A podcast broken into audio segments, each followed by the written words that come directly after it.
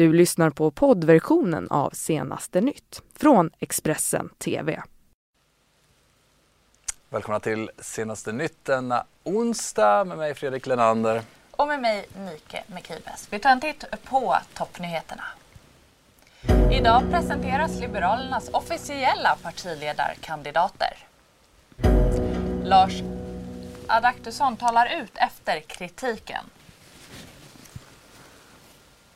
Och Julian Assange hälsa sviktar men häktningsförhandling som planerat. Mm, vi börjar ändå med att berätta om att en kraftig explosion har inträffat i Helsingborg.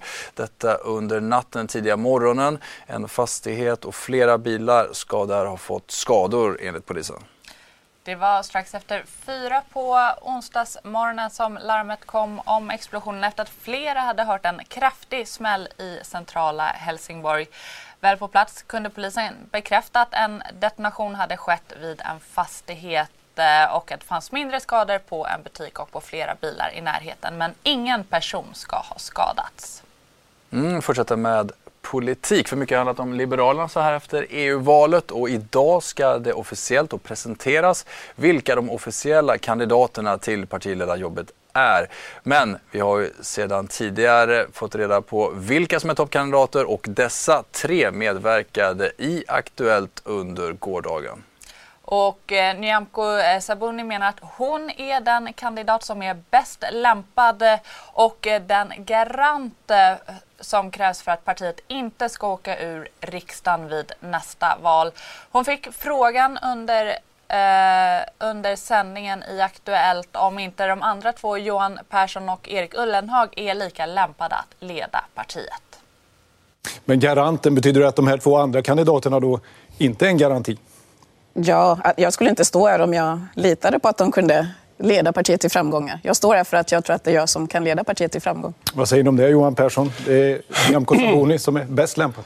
Jag eh, tycker att det är två fantastiska företrädare för vårt parti och eh, jag finner att vi alla tre eh, befinner oss inom gräns vänster, gräns höger. Nu måste vi gå framåt. Vi måste samla partiet och vi måste vara tydliga med att vi ska formulera svar på medborgarnas vanliga frågor. Inte ägna oss åt pompösa metapolitiska diskussioner om vad vi är emot.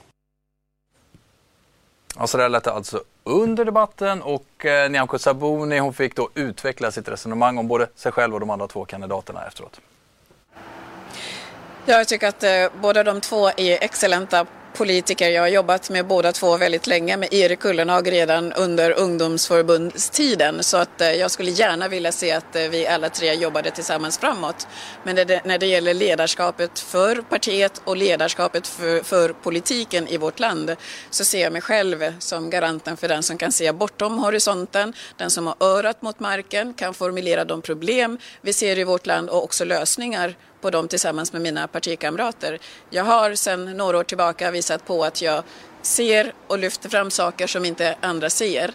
Eh, både när det gäller radikalisering i våra förorter, när det gäller utanförskapet och vad vi behöver göra åt det och inte minst när det gäller hedersförtryck som många unga människor lever med idag.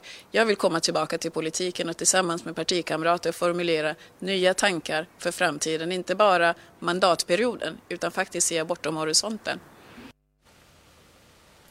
Och så går vi utrikes. Eh, pressen ökar nu på Israels premiärminister Benjamin Netanyahu att få ihop en regeringskoalition. Netanyahu utropade sig till segrare i valet i april men har fortfarande inte lyckats få sin regering på plats. Och tidsfristen går ut vid klockan 11 på onsdagen svensk tid.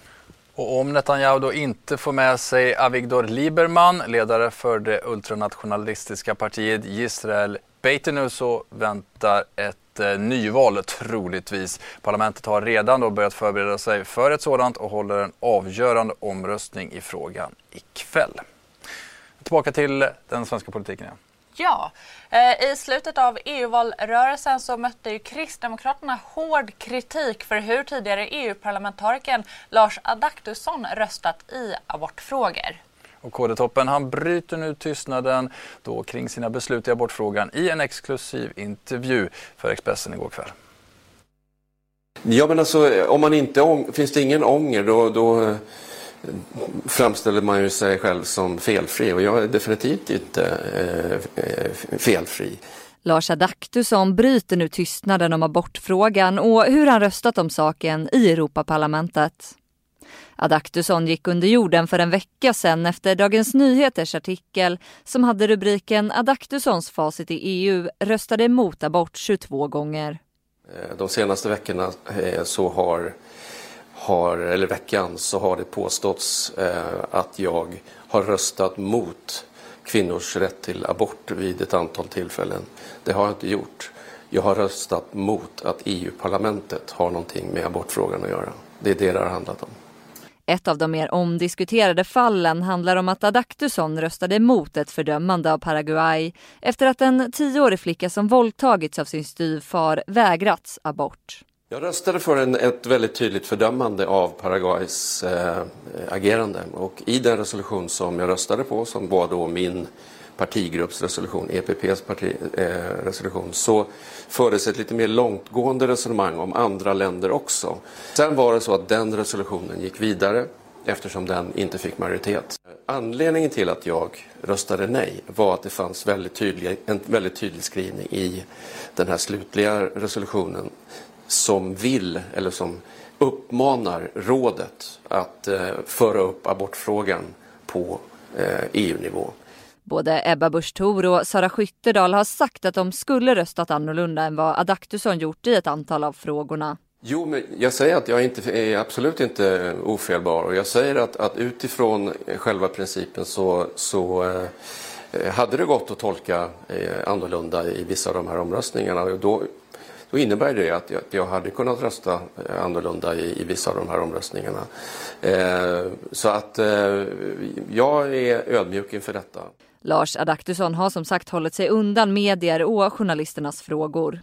Han dök inte heller upp på Kristdemokraternas valvaka under söndagen. När det vävs en historia om mig eh, som jag innerst inne vet är helt felaktig. Eh, då krävs det och, det, och debattklimatet, samtalsklimatet är av den karaktären att det spelar nästan ingen roll vad jag skriver eller säger. Eh, för bilden blir, bildsättningen blir ändå densamma. Det är en väldigt frustrerande eh, känsla.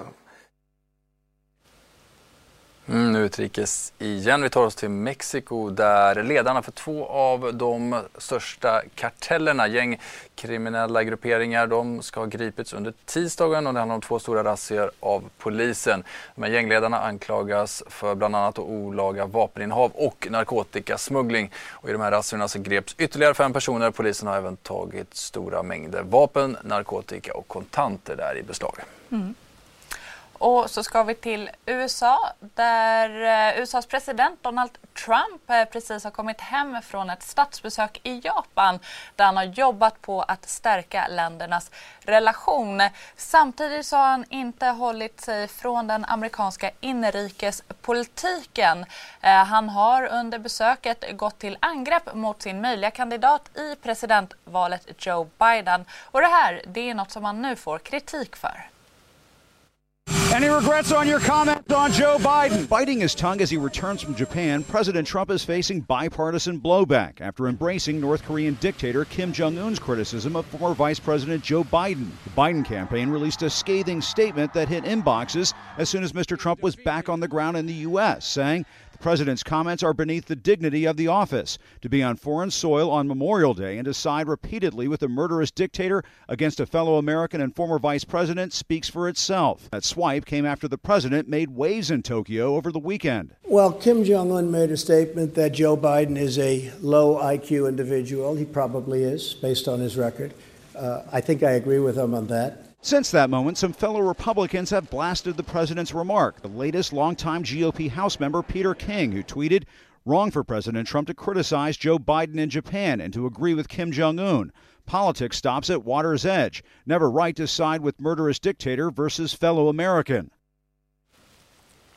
Nästa år så preskriberas våldtäktsanklagelserna mot Wikileaks-grundaren Julian Assange och eh, den svenska rättsprocessen kämpar där mot klockan kan man säga. Ja, och en häktningsförhandling i Uppsala tingsrätt är planerad att hållas nu på måndag. Någonting som eh, Assanges svenska advokat har försökt skjuta upp eh, då han menar att eh, Wikileaks-grundarens hälsa sviktar. Men Uppsala tingsrätt har avslagit begäran enligt Uppsala Nya Tidning. Wikileaks-grundaren Julian Assange är sjuk och inlagd på en sjukavdelning i fängelset i så dåligt tillstånd att det inte går att föra ett normalt samtal med honom. Det uppger hans svenska advokat Per E Samuelsson för UNT. Nu vill Assange skjuta upp den häktningsförhandling som är inbokad på måndag. Alla, alla som är misstänkta för brott har ju rätt eh, till ett försvar och en del av försvaret är att, att den som är misstänkt ska kunna kommunicera med sin advokat. Men som sagt var, det ställs mot, mot att det här måste ske skyndsamt. Advokat Samuelsson begär i en skrivelse till Uppsala tingsrätt att förhandlingen bör skjutas upp tills dess att hans klient tagit del av bevisningen. I en kommentar till Expressen skriver Elisabeth Massi Fritz, som företräder en av kvinnorna som anklagat Assange för våldtäkt och sexuellt ofredande i samband med ett Sverigebesök 2010, att misstankarna om våldtäkt är samma som tidigare och att häktningsförhandlingen ändå kommer hållas utan Assange närvaro. Hon tillägger att hon är rädd att Assange kommer förhala processen. Den svenska rättsprocessen är piskad av att det här måste gå eh, ganska fort. Det, det, kan inte dra ut på tiden för länge för då eh, preskriberas brottet och då kan Assange eh, inte ställas inför rätta. Uppsala tingsrätt har ännu inte avgjort frågan om en uppskjuten häktningsförhandling skriver UNT. Oskyldiga i Sverige sitter hellre häktade än svarar på polisens frågor. Det visar en genomgång från Ekot. Eh, och eh, enligt genomgången så betyder förhören allt mindre vid brottsutredningar i gängmiljöer då varken misstänkta vittnen eller brottsoffer vill prata med polisen. Det här leder till att polisen numera nästan enbart måste förlita sig på teknisk bevisning. Polisen säger till Sveriges Radio att personerna hellre tar en längre häktning än att säga som det är. Ja, då ska vi också kika lite på några av hållpunkterna för den här veckan, dagarna som återstår. Och eh, imorgon är det, precis som ni hörde lite om Wikileaks-grundaren Julian Assange. Det händer också saker i London där för ny domstolsförhandling i frågan då om han ska utlämnas till USA eller inte. USA håller på att presentera bevis för Storbritannien att då utlämna honom till landet i väst. Och på fredag då är det dags för fotbollslandskamp i Göteborg. Det är damerna som laddar upp inför sommarens VM-äventyr i Frankrike. Det är match mot Sydkorea och den startar 18.45 på nationalarenan för damerna Gamla Ullevi. På lördag är det dags för löparfest i Stockholm. Det är Stockholm Marathon. Klockan 12 går det här av stapeln och eh, vi som bor i huvudstaden vet att det påverkar trafiken en hel del förutom den här härliga löparfesten. Det är som vanligt Stockholms stadion som utgångspunkt och vi bevakar detta. Eller hur, Nike? Ja, det gör vi. Och vi bevakar mycket mer. Så stanna kvar så är vi alldeles strax tillbaka. Du har lyssnat på poddversionen av Senaste nytt från Expressen TV. Ansvarig utgivare är Thomas Mattsson. Ett poddtips från Podplay. I fallen jag aldrig glömmer djupdyker Hasse Aro i arbetet bakom några av Sveriges mest uppseendeväckande brottsutredningar. Går vi in med hemlig telefonavlyssning och, och då upplever vi att vi får en total förändring av hans beteende. Vad är det som händer nu? Vem är det som läcker? Och så säger han att jag är kriminell, jag har varit kriminell i hela mitt liv men att mörda ett barn, där går min gräns. Nya säsongen av Fallen jag aldrig glömmer på Podplay.